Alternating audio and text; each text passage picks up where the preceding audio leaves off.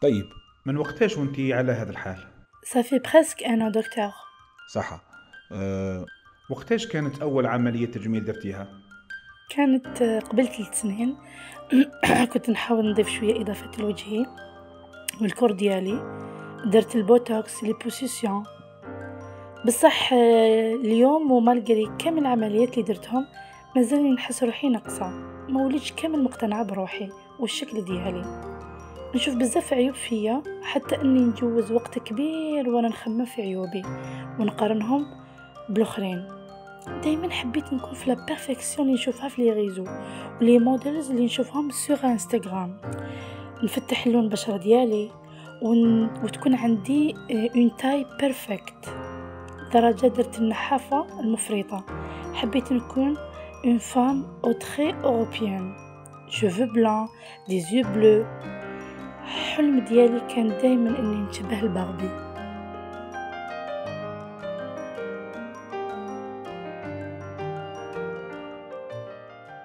تمثل باربي معايير الجمال الغربي التي انتقلت لكل العالم رغم اختلاف الثقافات لتصبح أول معيار للجمال.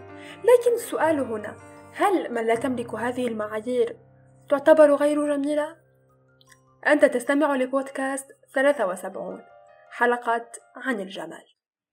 قبل أن نتحدث عن جمال باربي دعونا نتحدث قليلا عن تاريخ الجمال أو بالأحرى عن مقاييس الجمال عبر العصور. صفات باربي لم تكن أول مقياس للجمال البشري بل قد اختلفت هذه المقاييس عبر العصور وقد تركت لنا الحضارة القديمة ميراثا كبيرا حول مفهوم الجمال الذي كان غالبا ما يلخص في وجه وجسد المرأة. أفلاطون كان يرى أن الجمال هو جمال الروح. أما أرسطو فقد كان يرى أن الوظيفة هي الأساس وهي مقياس الجمال بالنسبة له. الوظيفة؟ إنه كان يرى أن إذا كان الأنف كبيرا فهو يؤدي وظيفته بطريقة أحسن مثلا. وكان سقراط يعتبر أن البدانة هي الجمال الحقيقي. لقدرة المرأة على الإنجاب وتحمل مشاق الحياة مقارنة بالمرأة النحيلة دعونا نتوجه الآن إلى الحضارة الفرعونية ونلاحظ ما كان مرسوما على جدران المعابد. رشاقة تناسق جسدي جسد منحوت وأزياء كأنها من حرير. هكذا كانت معايير الجمال في تلك الحضارة. حسب رأي خبراء الحضارات في كتابه تاريخ الجمال يأخذنا جورج فيكاريلو في رحلة عن تاريخ الجمال منذ عصر النهضة إلى يومنا هذا. من جمال مستكشف جمال روحي يجسد في البساطة والقداسة والنباهة إلى جمال جسدي أكثر. نساء ممشوقات متناسقات وانطباق العقل الديكارتي على الجمال الأنثوي ثم بدأ الجمال بالتفرد وبرزت قصات الشعر وتطورت مستحضرات التجميل وظهرت المشدات ليبدو جسم المرأة أكثر رشاقة وأصبحت مواد التجميل أكثر وفرة وأطلقت أول مسابقة لملكات الجمال سنة 1951 بلندن وظهرت العولمة وساهمت بشدة بانتشار الجمال الغربي عبر العالم لكن ما هي معايير الجمال الأخرى في بعض البلدان؟ الرقبة الطويلة عند بعض سكان تايلاندا والوشم في الشفاه والذقن لدى بعض سكان نيوزيلندا وتكبير الشفاه بوضع طبق فخار في الفم في أثيوبيا. ليديا أنت على الأرجح راكي تعاني من عقدة اضطراب تشوه الجسم. اضطراب تشوه الجسم؟ وشنو هذا دكتور؟ نعم اضطراب تشوه الجسم أو body dysmorphic disorder. هي حالة صحية عقلية. غالبا ما يحس الشخص أنه عنده عيوب كثيرة ويقضي وقته فقط وهو يبحث عن عيوبه التي غالبا ما تكون غير مرئية للآخرين. عيوب غير ملاحظة من طرف الآخرين. إيه عيوب غير ملاحظة من طرف الآخرين. أنت يا ليديا ما راكيش تشوفي الجمال فيك. ماشي لخاطرش أنت ماشي شابة.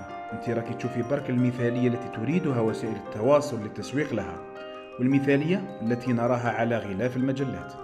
المثالية غير الحقيقية. وما يخفاش عليك أنه selon une étude menée par Royal Society for Public Health وكذلك Young Health Movement أنه الإنستغرام هو من أسوأ منصات التواصل لأنها تؤثر على صحة الشباب النفسية لأسباب كثيرة مثل المثالية المفرطة التي نراها فيها.